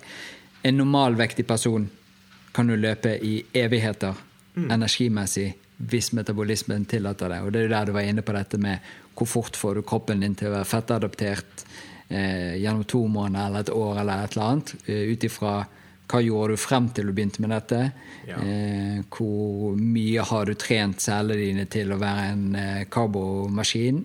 Ja. kontra kanskje du var litt imellom, og hvor fort du henger deg på disse tingene. Så det, i det du er i en eh, fettbrennende eh, og kan bruke fettet og hente fra matpakken dine, Yes. så har jo du plutselig drivstoff til du kan løpe over alle savannene og jakte ned dyr. Ja. 24 timer i døgnet og fortsatt være sharp. Istedenfor å få blodsukkerfall og bli sur og synes synd på deg sjøl og dette var ganske drit og ja. Ikke sant? Sorry, masse- masse sorry at jeg avbrøt deg der, Nei, det men jeg bare måtte ah, få det var ut. så mye ting som dukker- Så mange ideer som dukker opp når du sier det. Så mange logiske brister da, i den modellen om, som vi blir litt sånn fortalt at vi må følge. At vi må spise seks ganger om dagen, at vi må spise så og så mye kar karbohydrater. Eh, når man ser, og, og, og, I hvert fall sånn i Amerika sånn da, nå, hvor man ser 70% om ikke mer nå her sliter med overvekt og fedme. Eh, Og 90 et eller annet prosent ut ifra det jeg eh, fikk vite for to år siden, ja, har eh, metabolske problemer. ja. Insulinresistens, da, som egentlig ligger i bunnen av det. Ja. Og hvordan oppstår insulinresistens? Det er jo en, overflod av insulin over lang tid som, som sliter ut eh, insulinreseptorene. Jeg skal ikke gå for mye inn i akkurat hvordan insulinresistens oppstår. Og så er det så morsomt Så er det sånn baffling å se hva, hva vi behandler diabetes med, ikke sant? ja. Vi bare, ok, insulin, insulinreseptorene dine funker ikke. Vi må bare pumpe inn enda mer insulin. Ja. Sånn at vi Sånn at ja, det, det, det får ting til å funke, da. Uh, nå snakker jeg om diabetes type 2. Det skal være tydelig. Ikke diabetes type 1. Det er noe helt annet. Men eh, hva med å bare roe ned det som eh, får insulin til å bli pump, pumpet ut? Ja, Hva er det som, som får insulin til å bli pumpet ut? Jo, du får, trenger litt insulin til å eh, prosessere protein. Ja. Ikke så veldig mye. Litt. Litt, bitte, bitte litt til fett også. ja. Eh, men det er jo uten tvil karbohydrater som, som, som trigger størst uh, utskillelse av insulin. Um, og det er jo det man begynner å se med ket ketogent kosthold. Og at det er faktisk Det begynner å bli ganske godt dokumentert at det er en, en, en veldig effektiv måte på å reversere insulinresistens ja. og metabolsk syndrom. Og holde det i sjakk. Ja, fordi det du gjør er at du, du kutter karbohydratene til et så lavt nivå at kroppen din kan roe ned insulinutskillelsen og faktisk eh, reversere få tilbake insulinsensitiviteten sin. Da. Ja. Så det Ja. Nei, det er uh, mye logiske brister i uh... Ja, det er det. Og der, der syns jeg også det at eh, Hva er ketogent kosthold? mm, Da føler jeg at det er en sånn Det er en samlebetegnelse på noe. Og så er det ganske stor store Veldig mange variasjoner av det. mm, Ehm, og det er der man kan se når det har vært brukt i behandling for epilepsi og disse tingene, hva effekt det har på hjernen. mm, Og det er jo litt spennende også hvordan du føler hjernen din funker når du er i ketose. Ehm, jeg sier alltid navnet hans feil. Jeg prøver igjen. Dom D'Agostino. Ja. Det, kan det gå greit? Ja. Ja. Litt spennende navn. Han traff jo jeg da i Los Angeles. Og han er jo en helt fantastisk fin fyr og har gjort mye forskning sammen med NASA og Navy Seals og disse tingene her. Og eh, prøvde å finne ut hvordan kan vi optimalisere metabolismen.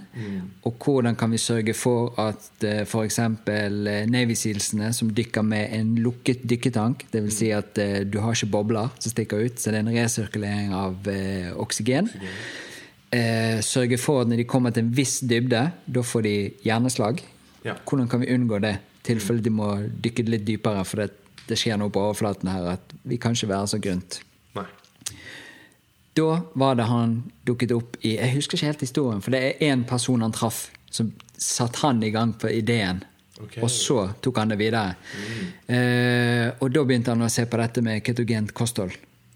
Og begynte å gjøre eh, musestudier og inn i trykktanker her hvor det går. Og musene døde jo i fleng når de kom ned til et visst trykk, og de prøvde masse forskjellig. Og så klarte de å sette alle musene i ketose, og ingen døde Nei. av slag. sant. Så begynte de å se på dette her, og så prøvde de å se på hvordan kan man effektivt få For hva er ketose? Og så vidt jeg vet, så er det når du har målt at det er en viss mengde ketoner i blodomloppet ditt. Ja. Da er vi tilbake til den der Hva betyr egentlig det? Ja. Men i hvert fall, det er i hvert fall definisjonen sånn som jeg eh, følger det. At eh, når du har eh, 0,5 millimol med ketoner, så er du i ketose. Ja. Så kan du gå i dypere ketose, eh, men da er du der. Ja. Hvis du kommer der av å spise deg dertil, så er det én ting. Mm. Hvis du kommer deg der for å faste, Mm. en annen ting. Men fremdeles så måler du om du er ketose eller ikke. Ja. Eller at du putter inn ketoner som gjør at du plutselig har ketoner i blodbanen din, Ja. er også en måte å være ketose på. Nettopp. Og kanskje det er flere, men i hvert fall de tre jeg eh, For nå har du ketonsupplementer, da. Ja. Hvor du kan bare få det fra en, en ytre kilde. Og det er jo det vi selger en del av i den der eh, koselige nettbutikken vår. Gjør vi det? Ja, ja, ja. Eh, men i hvert fall. Og da tok de videre dette, for istedenfor disse soldatene som måtte gå på et ketogent kosthold, som de kanskje har endret på nå, det vet jeg ikke, er at eh, de kunne ta ketoner, dykke ned, og likevel eh, gjøre at det ikke ble en skade på hjernen. Og det var jo så vilt, for da, når dette skjer, hva kan man da bruke det til? Ja. Og det er jo flere og flere eh, forskninger og artikler på når de bruker dette med hodeskader i trafikkulykker, for folk i ketose, eh, helingstiden går fortere. yep. Eh, det er alltid kjempeskummelt å snakke om noe som har med kreft å gjøre, men de ser i hvert fall det at eh, en del av kreftbehandlingen fungerer enda bedre når eh, pasienten er i ketose. Det er en Charlie Foundation, startet pga. det var et barn med en stor kreftsvulst i hodet. Eh, der jeg kan være blanda to historier, men det er i hvert fall en veldig lignende historie.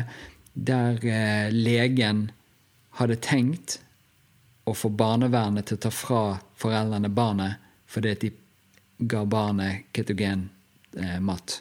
Ja. Så viste det seg at resultatet av det folk, eh, foreldrene gjorde, var så bra at den gutten eh, helet seg fortere.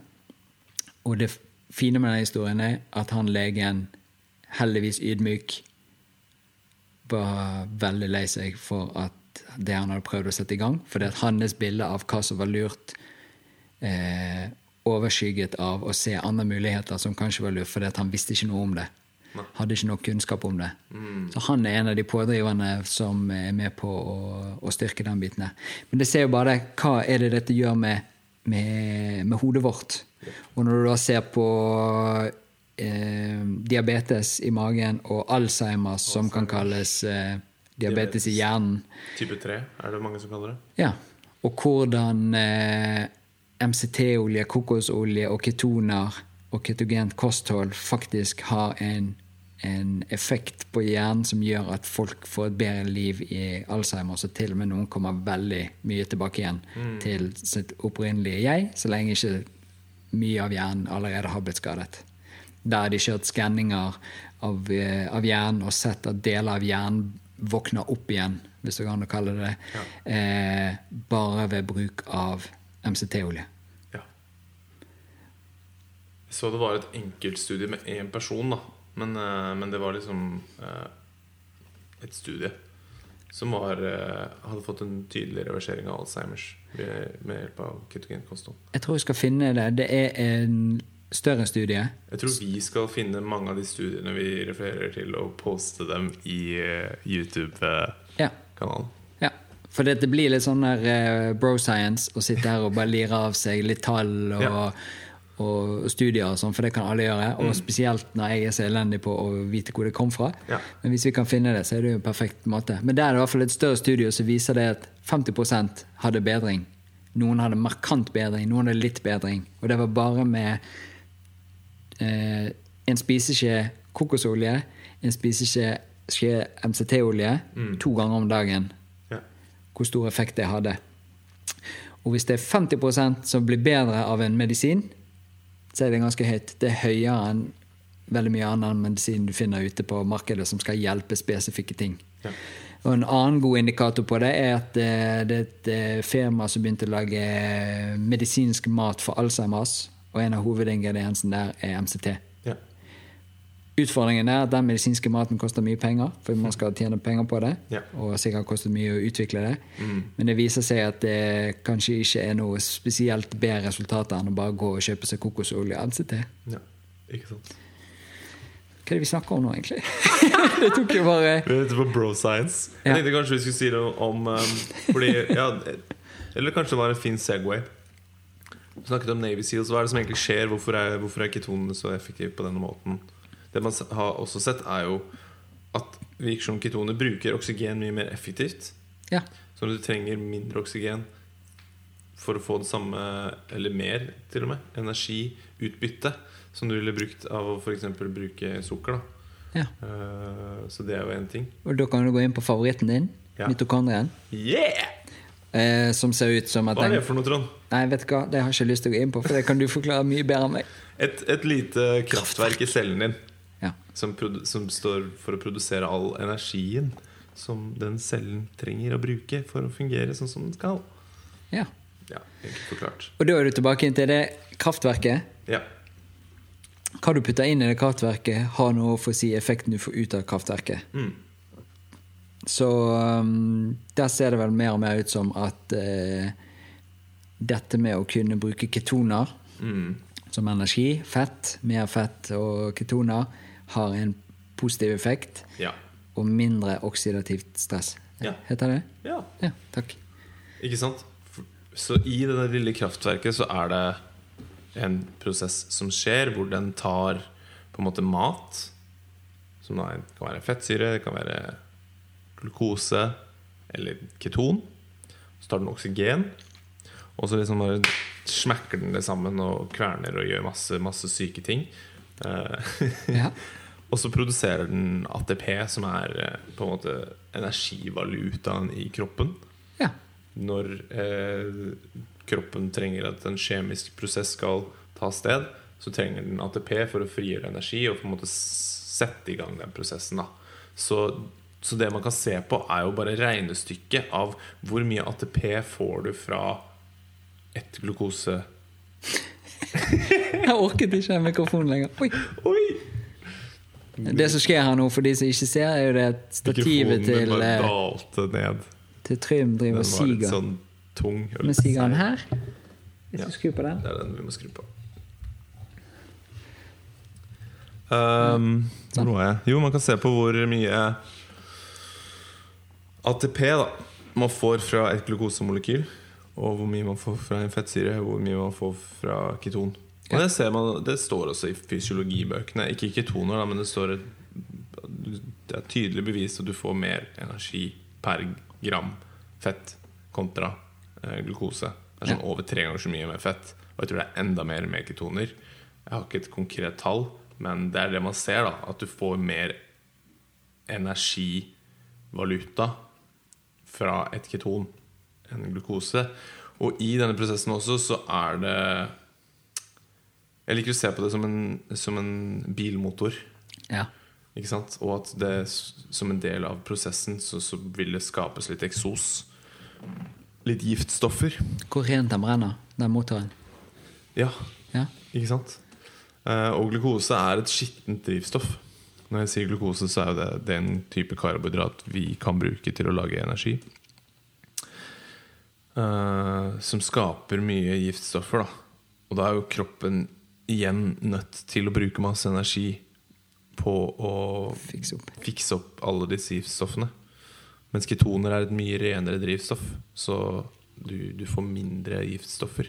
Det er som å kjøre en, en gammel dieselbil kontra en ny elbil, kanskje. Ja. Hvis det er et rent drivstoff. Det er et veldig rent drivstoff, det. Uh, Spørs hvor eh, strømmen kommer fra. ja. Ikke sant? Man må jo lade den opp. Men eh, som et bilde. Ja. Så, det, så man får mindre oksidativt stress, som kroppen er nødt til å bruke energi på, og man får mer energi. Så det energiregnestykket er liksom veldig i kroppens favør. Og da slipper du å bruke Ja, da, da kan du fokusere den energien på gøyere ting, da. Som å være kul og Frisk. frisk og uttrykke deg selv bedre, artikulere bedre, ha bedre humør. Alle disse tingene. Mer, er- kanskje mer eh, også stabil, ikke så mye sånn berg-og-dal-bane-følelsen som man ofte har. At 'å, nå er det en drittdag, nå er det en god dag'. Ja. Men at det er mer sånn Ja. Stabilt kjør. ja. Og da kunne vi jo gått inn på inflammasjon og koblingen vi- med depresjon. ja. Men det Vi, kan i hvert fall si det at det er gode indikatorer på at eh, inflammasjon går ned Ja. eh, ved å eh, eh, spise et ketogent kosthold, eller i hvert fall være obs på hva type hva type mat man putter i seg, og hvilke prosesser som skjer som gjør at vi aktiverer insulin eller blodsukker ja. og disse tingene. Har du lyst til å si eh, Skal vi si litt mer om kanskje hva som skjer når du faster? Og så kan vi kanskje runde det av. Ja, det kan vi gjøre. Du nevnte jo, du nevnte jo Nobels fredsprisen, blant annet. Ikke Ja. fredsprisen, men uh, Jo, og det var litt det du- fysiologi og ja. Ja, og det var litt det du var inne på i sted, dette med spise hele tiden. ja. Det gjør at vi er i en fordøyelse hele tiden, Ja. store deler av tiden, men også i en vekst. Så du er i en vekst, og så vil du ha det motsatte, som er en hvile og reparasjon. Mm. Ehm, og der er det noe gøy som heter autofagi. ja. Det har vi visst om lenge. Men i 2016 så var det en japaner som fikk eh, Nobels medisinpris Prisen. Ja, i medisin. for å ha funnet ut mekanismen for hvordan aktivere autofagi. Og det var med faste. Så Så hva er autofagi? der liker jeg det fine bildet på. Ja. Når vi spiser hele tiden og er i vekst, så er vi et firma. Mm. Og så investerer vi i varer. Vi selger mye varer. Ja. Vi ansetter flere selgere og flere i administrasjon og rundt omkring. Og bare bygger opp til et fint konsern. Så kom korona, Ja. Og så stoppet ting litt opp. Ja. Hva kan vi gjøre da for at vi ikke skal gå konk? Da må vi ikke investere så mye lenger. Nei. Vi må finne ut av hvor kan vi spare inn. Mm. Vi må kanskje putte noen på uh, permittering. Ja. Fordi vi har ikke nok til å fylle, fylle alt arbeidet, og økonomien tilsier ikke at vi kan holde på alle. Nei. Så det du skranker det bare inn igjen. Og så må du finne en måte å bygge dette opp igjen på, sånn at eh, bedriften din blir sterk nok igjen. Så kan du begynne å ansette folk. Eh, vanskelig i Norge, men du må bli kvitt de som bare henger med, Ja. og heller fokusere på de som er Sterke. Ja, og virkelig har et fokus og vet hvor de vil henne. Ja. Så autofagien for det er gøy at jeg liker det bildet, for det blir så mange gøye tegneserier oppi hodet. Ja. Men autofagien er egentlig når du går i eh, eh, faste, hvis du skulle ta den, så er det jo det at eh, autofagien starter på et nivå ganske tidlig når du har vært eh, borte fra mat i en periode. Ja. Dag tre uten mat, så er du ganske dypt inne i autofagi. Yep. Så det kroppen da gjør, er å gå inn i alle cellene, henter ut avfallsstoffer og proteindeler, eh, og bruker det til å bygge opp igjen eh, der det trengs. Mm. ja Men- tar liksom slitte deler og Ja. komponenter som ikke, Som ikke fungerer like bra. Ja. Da er han i gang. Da var det Balto i drømmeland. Ja, da våknet han. Flott. Å, beklager. Tar han eh, slitte deler og eh, bruker det om igjen. Ja. Og dette er jo gjerne slitte deler som eh, ikke man får tid til å få ut og kvittet seg med. Nå er det jo helt Texas. Der våknet han skikkelig. Så dette er jo Balto som ligger og snakker litt i søvne om uh, autofagi. Men å få uh, kroppen ikke har tid til å kvitte seg med, for den er i vekst. ja. Du har ikke tid til å rydde på lageret når du er i en supervekst hele tiden. Nei. Du er nødt til å sette av tid til uh, å gjøre begge deler. Mm. Uh, det som er grådig spennende også på, på faste og autofagien, er jo dette med at du også tar livet av celler som ikke gjør en god jobb. Yes. Du tar en ansatt og ber de finne seg en ny jobb. Ja. I kroppen så er ikke vi så gøy, grei. Der bare dreper vi han. Der er det 'survival of the fittest'. Sorry, du gjør ikke en god uh, jobb. Ja. Så der har det Da vært spiser jeg deg, Ja, og så resirkulerer jeg deg. bruker jeg deg til noe annet. Så det er jo en helt fantastisk måte når kroppen ikke har mat, at han bare bruker tull og tøys som er rundt i kroppen, og som ikke er en eh, optimal greie, og bruker det til å gjøre noe optimalt. Ja. Og så skiller ut det som vi kan ha av eh, den rengjøringen. Ja. Eh, dette med Det er dette som er så kjempegøy med immunforsvaret. Da har vi en sånn måling på hvite blodlegemer. Eh, Hvordan faste gjør at hvite blodlegemene reduseres veldig. Og hvite blodlegemer er da immunceller, Ja, en del av celler Ja, som ofte er i aktivitet hvis det er inflammasjon og sånne ting. Ja. riktig. Så hvis du da har en hær på 100 Mm. immuntyper, ja. og autofagien setter i gang, så stiller han alle opp på linje, og så sjekker han alle, Mm. og så sier han OK, sorry, 80 av dere er tullesoldater. Mm. Vekk. Gå og finn dere et annet Weaklings. Ja. Bye. Så er de av gårde. Ja. Og det skjer Allerede ser de på, på blodprøver dag tre ja. i en faste. Så dag fire og fem, som er en vanlig sånn her tredagers eh, vannfaste eller noe sånt, eh, og en fin indikasjon på det. Du kan også lese om eh, Prolon sin forskning på dette med fasting mimicking diet og disse tingene her. Hva som skjer på dag fire og fem når du eh, spiser deg opp igjen. Og aktiverer eh, stamcellene til å produsere nye celler. Så det man har sett da, er det at oi, vi gikk fra 100 soldater til 20. Og neste gang vi måler etter dette, og stamceller får produsert nye soldater, så er vi opp igjen. Kanskje til 100. Neste faste, hvis du da har en sånn her eh, regime som går over noen måneder, som vi av og til kjører både på klinikk og for oss sjøl, eh, så detter igjen eh, de hvite blodlegemene. For da går kroppen igjen gjennom. Ja, stille opp på rekke. Ja. Alle typene står der. Ah, 40 stikk. Ja. Dere er ikke gode nok. Sitter vi igjen med 60, og da har vi allerede økt fra, fra forrige faste runde. Mm. Så går du til neste, og så er det færre og færre soldater som får beskjed om å get the fuck out of here. Ja. Fordi at de blir sterkere og sterkere. Til slutt så har du en spesialtropp. Ja.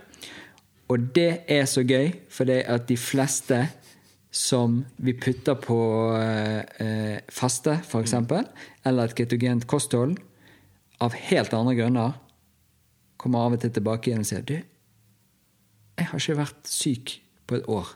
Eller jeg har ikke vært syk på to år. Jeg kan ikke huske når jeg var syk. Nei. Immunforsvaret ditt er on fucking fire.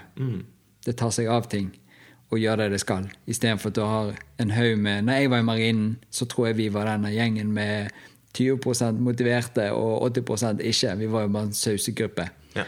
Nå har vi fått ut de, og så får vi inn eh, Få inn Jacko Willink og supergjengen. Hva, hva Og det er jo litt spennende hvis vi kan hjelpe immunforsvaret vårt på den måten. Ja. Det betyr ikke at vi kan redde verden bare med det, men det er jo en god måte å starte på at i hvert fall de funksjonene som skal hjelpe deg og beskytte deg mot ting, er optimale. Og det gøyeste er at det er forskning som ikke har vært og lett etter det, men de har sett at det dukker opp når de har blodprøver. ja. Og det er jo enda gøyere. For det har ikke vært en idé om at de prøvde å finne det engang. Så det er autofagi. Ja. drepe ting. Og så er det også dette med stamceller, at det fins rundt i alle organer og vevstyper som skal hjelpe der lokalt for å fikse noe. ja. Og det er jo helt fantastisk. Ja. For stamceller har jo vært så mye snakket om og diskutert, Yes. og at vi bare har noen, når de ligger ett sted. Og hvor effektiv terapi det er for skadet vev og sånne ting. Ja, Så kan du på en måte bare aktivere dine egne stamceller. det er helt sykt. For Det er du slipper faste. kjø og det gøyeste med faste Ja. og hvis, hvis det stemmer alt det vi sier nå, Ja. så jeg tror det gjør, er jo det at eh, du kan bli friskere og mer optimal, og det koster deg ingenting. Nei. Det er gratis. Det koster mindre enn å ikke gjøre det. Mm. Fordi at du spiser ikke. Det er, så, det er så ironisk. Ja. Og jeg blir så ja, lattermild når Ja. jeg tenker på det. Ja, ja, men det er bare sånn Ja, en, en veldig i hvert fall god medisinsk terapi, i hvert fall veldig mange sammenhenger, er bare å lukke kjeften og ikke spise. ja. Så vil kroppen bare gjøre masse kule greier, da. Og det er jo det den der eh, balansen mellom eh, M2 og autofagi og vekst og hvile At vi har i veldig lang tid gode indikatorer på at vi har vært for mye opptatt av vekstbiten til kroppen Mm. istedenfor også dette med å regenerere og fikse opp og reparere og hvile. Ja. Og hvis du ser på han der eh, bjeffekongen som ligger her borte bakover, så eh, Når han ikke føler seg helt tipp topp Mm. og er litt eh, tufs, Mm. så spiser ikke han. Og så ligger han og hviler. Da går han inn i faste modus, og så er han tilbake inn og spiser når han eh, føler seg bedre. Og det Mm. ser man også i andre dyr, ikke bare med tamme hunder, halvtamme hunder, men eh, også på hvordan syklusen i, på planeten vår fungerer. Den er aktiv, så går den i hvile. Vi har vinter, vi har sommer, vi har hele denne syklusen som, eh, som foregår. Og da kunne vi godt Det kan vi ta en annen gang. Dette med å De forskjellige typene av ketogent kosthold, hva det er for noe. Ja. Og hvordan det også kan tas helt til det ville og begynne å tenke på dette med å leve mer ut ifra hva man har lokalt, både med mat og levesett, med tilgang på lys og type mat og disse tingene her. Mhm. Eh, forskjellige steder på jorden, og hvorfor vi derfor kan tilpasse oss eh, best mulig ved å bare følge det som skjer der du bor. Ja. Og det er det jo veldig viktig at eh, Jeg tør ikke si det. Oh. Jeg har ikke lyst på en sånn vegan-diskusjon, men det er litt viktig at eh, det var veldig fokus på vegan i januar. Ja. Hvis du tenker tilbake til ikke så veldig lenge siden, Mm. Så hadde du planter ingen planter å finne I januar. Og det er en ganske stor del av eh, Norge Ja. der du ikke har tilgang på planter. Ne. Helt til vi fikk poteten og kunne lage den og kose oss med det. Ja. Så det er litt, men det der kan være en lang, fin greie vi kan ta en annen gang hvis du har lyst til å invitere meg. Ja. Eller bare snakke om det sjøl. ja. Nei, vi tar, eh, tar det igjen. Tar det igjen. Tar en uh, vegan bæsj. Nei. Nei, det gjør vi ikke. Nei, det gjør vi jeg ikke. Jeg orker ikke krangle med folk. Nei, vi er ikke noe Det viktigste i alt, tror jeg, uansett om man er vegan eller ketogen eller carnivore eller hva som helst, er bare å ha gode råvarer Ja. og mest, minst mulig prosessert mat. Ikke sant, Da går vi inn der, fordi det er jo det man ser hvis man ser på Weston A. Price sine eh, greier. Som var en antropolog Ja. på starten av 1900-tallet som gikk rundt og observerte stamkulturer. Og så på hvordan de spiste, og hva de spiste av makroer og alle disse tingene. Så ser man at det varierer ekstremt. I, altså Det er noen stammer som spiser 90 kjøtt, i natt. Eh, 95 Andre stammer som får Ehm, 60% av energiinntaket sitt fra rotgrønnsaker og sånne ting. Så mye karbohydrater og stivelse. Men veldig liten prevalens generelt av metabolske sykdommer. Og vi har generelt gode blod gode blodmarkører. Da. Så, så det er jo en stor ting som også har begynt å komme veldig til overflaten. At eh, hvordan vi, den der overprosesseringen av mat har en sterk påvirkning på hvordan eh, den blir tatt opp av kroppen vår. Og ja, med tanke på hvordan vi ligger på oss og, og Ja. alle disse tingene. Veldig. Ja. Hva det egentlig, hvor stor påvirkning den egentlig har. Ja. Og eh, hva er tallet i Norge om 60 et eller annet prosent av all mat nordmenn spiser, er høyprosessert. Ja. Ja. Det er ganske Vi er ikke i amerikansk skala ennå. Og det er det dessverre det jeg føler. Sorry. Det at eh, Eller det jeg tenker rundt det Fokuset for hvorfor blir mat laget, Mm. Er det for å fø folk, eller er det for å tjene jævlig mye penger? Mm. Hvis det var for å fø folk, Ja. så skulle du tjent penger på det, men også puttet hjertet ditt i det og laget et produkt som var bra. Ja. Eh, men nå er det en vekst. Vi er en kapitalistisk eh, verden, og vi vil ha vekst hele tiden. Ja. Det må gå på eh, bekostning av noe, ja. og det ser ut som det går på bekostning av eh, kvaliteten på maten du spiser, og igjen da selvfølgelig helsen. Ja. Og Det er derfor vi har våre favoritter med hva vi liker å, å spise, for det, det er det nærmeste av det rene vi kan få i dag. I Ja. hvert fall sånn som vi oppfatter det. Mm. Med, vi får eggene våre derfra, grønnsakene våre derfra, Rød smør. Smør derfra, kjøttet derfra. Og dette med ja, egentlig bare kvaliteten på det du putter i deg, og hva har det du putter i deg, puttet i seg. Ja. Så hvis en brokkoli har puttet i seg dritt, Mm. så ser han fortsatt ut som brokkoli, men Mm. det betyr ikke at du får den samme opplevelsen når du har spist den og kanskje bubler litt dritt. Ja. Og det samme med, med dyr og melkeproduksjon og grønnsaker og eh, linser og korn og hei og. Det var vel en enorm eh, god indikasjon på at ikke spis noe annet enn økologisk korn. Nei. For det binder så mye av sprøytemiddelet i kornet at du har ikke lyst til å lese de tallene engang. Nei. Og det settes i sammenheng med kreft. Yes. Så Så det vi er enige om, tror jeg, de fleste, er bare å spise mest mulig eh, ren mat. Helt ren mat med få ingredienser. I hvert fall ingrediensene burde ikke være ting som du ikke vet hva er for noe. Og det er jo litt når vi ser på den, eh, for vi står jo egentlig og kaster noen steiner i glasshus. Det er jo fordi vi selger en del produkter på den butikken som er konsistert. Ja. Det er fordi det er satt sammen på et sted Mm. og blitt et produkt. Mm. Det vi fokuserer på der, er jo det at det skal være best mulig eh, ingredienser som er satt sammen, og færrest mulig for at ikke vi putter i for mye ting som vi egentlig ikke trenger, og at kvaliteten på proteinene og fett og disse tingene kommer fra rett sted. Ja. Så skulle man vært helt sånn eh, Det er derfor er et vidt spekter, denne keto-gjengen. Ja. Eh, noen er junk food, keto people, og spiser tulleolje og bare koser seg og får en effekt av det. Mm. Noen tar det til et helt annet nivå og eh, blir helt uh, tussete på at alt skal være ikke sammensatt av noe, ja.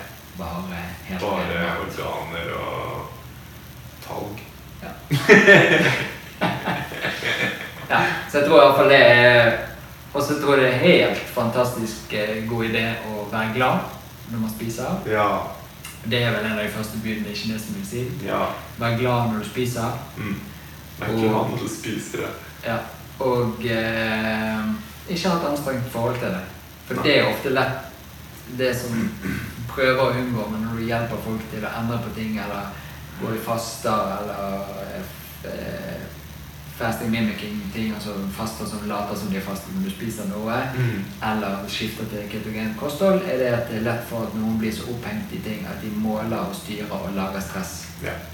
Og vi vet at stress, Hemmer fordøyelse.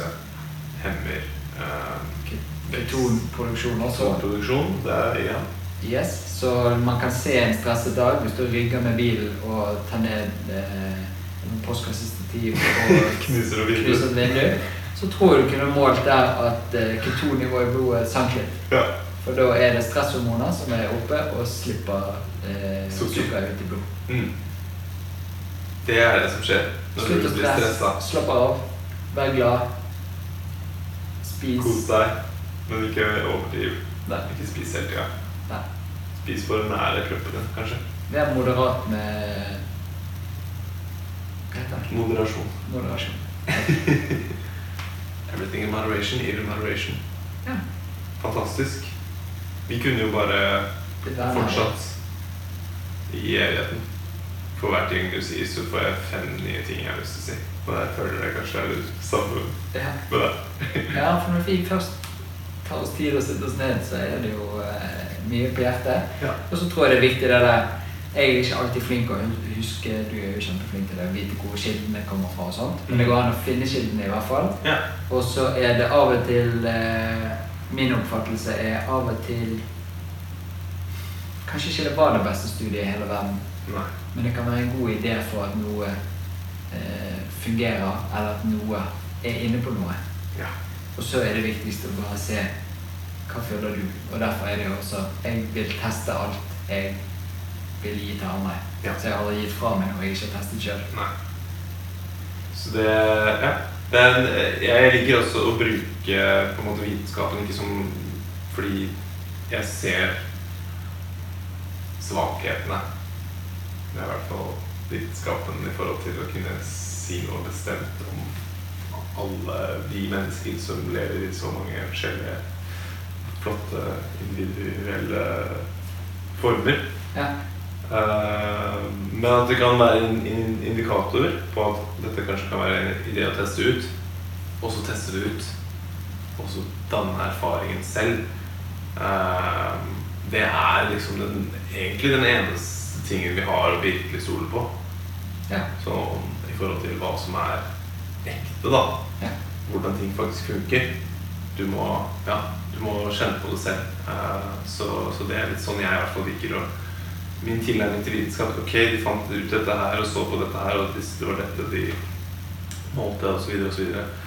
Hvordan, eh, hvordan, hvordan kan jeg sette det i en eller annen form for praksis og se om det faktisk stemmer for meg, da. Ja, for det letteste er jo å gripe all forskning som beviser den ideen du allerede har. Ja. Eh, og det er jo litt gøy. Men av og til så er det, når du leser noen forskning som er motsatt ende, Mm.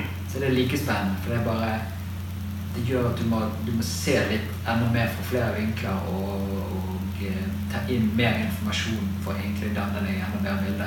Ja. Så du endrer filteret ditt for hva informasjonsflyt som går igjennom. Mm.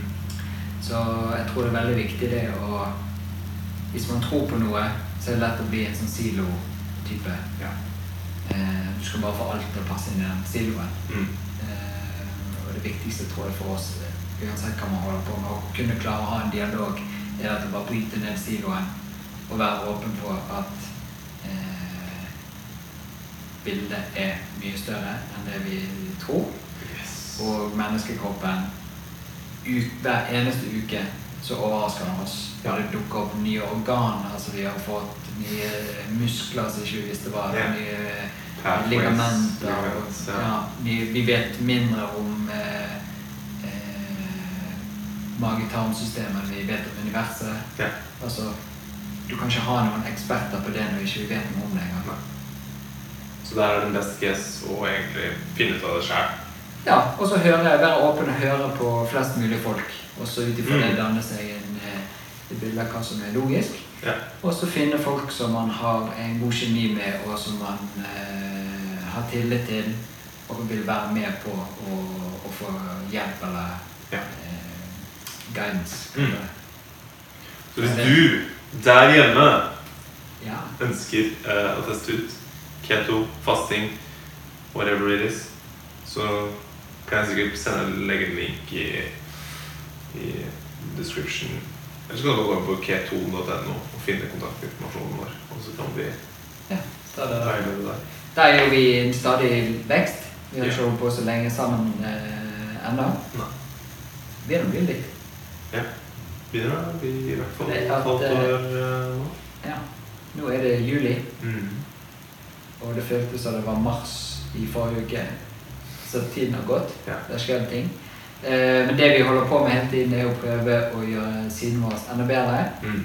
Eh, samle enda mer av de produktene som vi syns kan være eh, til god hjelp for oss og for de vi prøver å hjelpe. Ja. Og hvordan vi kan gjøre dette med reiser for folk eh, lettere når du kommer til en flyplass og du klarer ikke å finne mandler engang som ikke har vært eh, ristet i eh, solsikkeolje. Eh, og da heller kunne ha med deg noe i lommen som gjør at du slipper å, at reisen din går på bekostning av måten du føler deg. Så der vil vi putte ut mer oppskrifter. Vi er jo litt sånn Det går litt rykk og napp, så Ja. det kommer rykk og napp. ja. Vi har jo mye mer eh, innhold enn det vi har lagt ut. Yes. Vi skal bare legge det ut. Men det kommer når det kommer. Kommer når det kommer. Og eh, på sikt, det som vi var innom, er jo det at vi har lyst å kanskje endre enda mer at vi ikke bare er en eh, ketonbutikk, men også en, en nettside for det vi tenker kan være med på å være en optimal Hjelpe folk til å ha en god dag. Ja. Og det kan være mye mer enn bare ketoner. Yes. Så vi ønsker å lage flere egne produkter som bare generelt er gode råvarer, eh, men som også kan gjøre livet gøy og spennende. Ja, nå har vi vaffelmiksen vår. Vaffelmiksen har vi. Den er superfin. Og så kommer det andre ting. Vi har kommer cookie mix. Cookie Mix. Da har vi cookies ute på eh, noen kafeer i Oslo allerede. Mm. Hvis vi kan få steppet opp det, så kan vi få det enda bedre til. Men også dette med fokus på hvordan eh, søvn, stressmestring, det mentale Og Ja. klare å få det inn i hele pakken. For det, mat er en sånn nydelig vei inn Ja. til å begynne å endre på noe og kjenne en virkning. Og så er det så mange andre verktøy vi kan ta inn samtidig som eh, Forsterker det. Ja, Mm. Gøy. ja veldig gøy. Takk for eh, besøket. Takk for at du kom med disse flotte mikrofonene hjem. Ja, ikke sant? Er de ikke fine? De er nydelige. Mm. Ser ut som eh, lysesabler Ja, ikke sant? uten lys. Ja. Med litt, uh, med litt uh, filmtriks. Ja, det kan Kan vi stikke en lightsaber rett i kjeften? Ok. Ok! Takk for oss. Takk for nå.